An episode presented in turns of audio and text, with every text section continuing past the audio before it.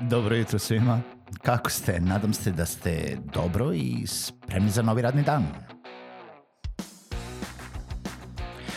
Pozdrav svima i dobrodošli na podcast Male pobede, stari novi podcast koji, well, koji je tu da bi vam kroz pitanje i savete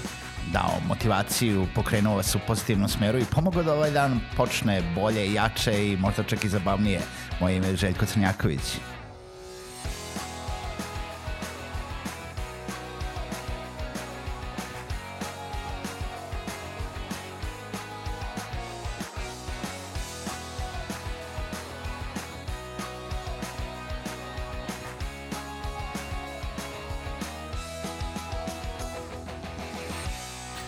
Pozdrav svima, dobro jutro i dobrodošli u novu epizodu podcasta Male pobede. Moje ime je kao i uvek Željko Crnjaković i želim svima da se zahvalim što su i danas sa podcastom Male pobede, nebitno da li ste danas počeli da ga slušate ili slušate već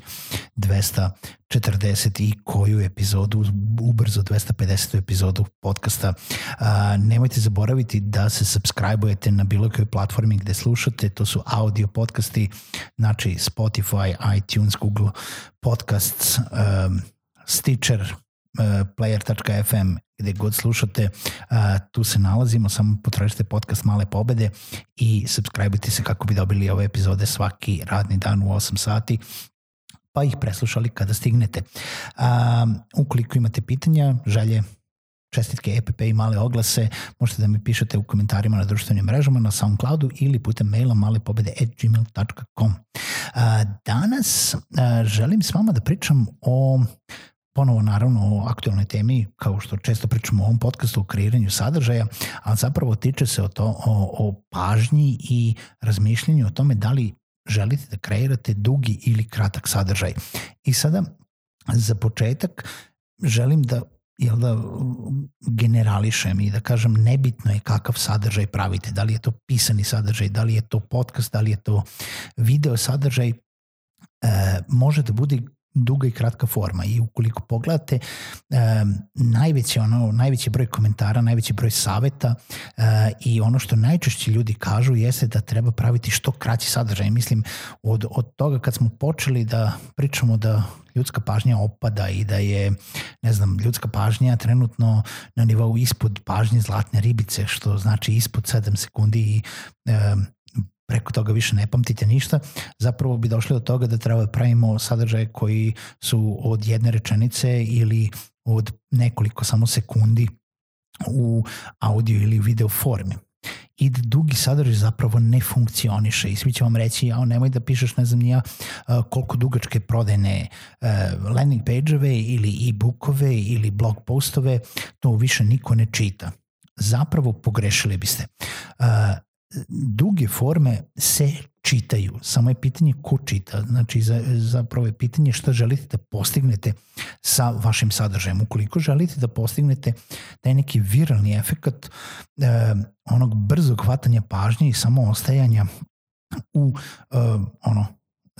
zapaženja od strane vaše publike, onda su te kratke forme, jel da, ono što, ono što presuđuje, onda su tih prvih par sekundi e, najbitniji pre nego što se klikne na taj skip ad i pre nego što a, uopšte dođemo do toga da odlučimo da li nas nešto zanima više.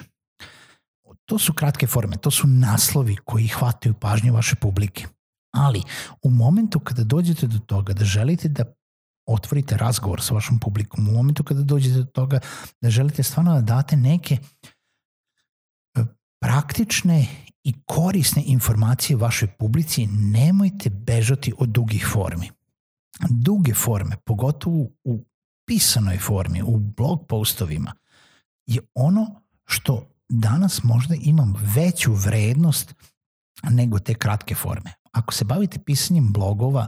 ako se bavite pisanjem bilo kojih tekstova na internetu, nemojte da pišete blog postove od 300 do 500 reči. Mislim, to su to je nekad bilo jako popularno i dan danas je jako popularno kod nekih, ali to je zapravo neka, neki filler tekst. To, to su kratke vesti tekst. To nije nešto na čemu će ljudi ostati i zadržati se i možda vas čak i zapamtiti ili podeliti dalje. Zato što jednostavno 300 do 500 reči ne možete da kažete ništa previše pametno i previše korisno što bi nekome ko zapravo traži neke informacije o temi o kojoj pišete bilo od značaja.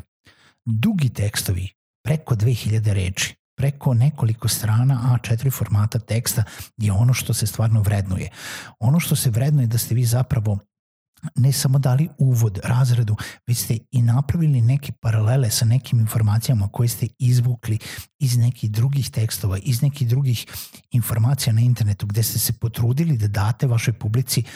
nešto malo nešto više, nešto da ne moraju sami da traže još četiri teksta na istu temu zato da bi prikupili sve informacije, nego zapravo vaš tekst je taj koji sabira nekoliko tekstova, nekoliko informacija, nekoliko statistika, nekoliko izveštaja, nekoliko istraživanja na tu temu i dajete neki sveobuhvatan pregled toga šta je bitno uh, čitaocima u tom zadatom momentu. Neko stvarno može da izvuče vrednost iz tog teksta i onda će ostati i nebitno da li mu treba 5 minuta, 10 minuta, 15 minuta ili pola sata da pročita to što ste napisali, verujte mi, ostaće na tome, možda će ga zanimati samo jedan deo, možda ga neće zanimati ceo tekst, možda će te morati da pišete na način da je tekst lako pretraživ, da je uh,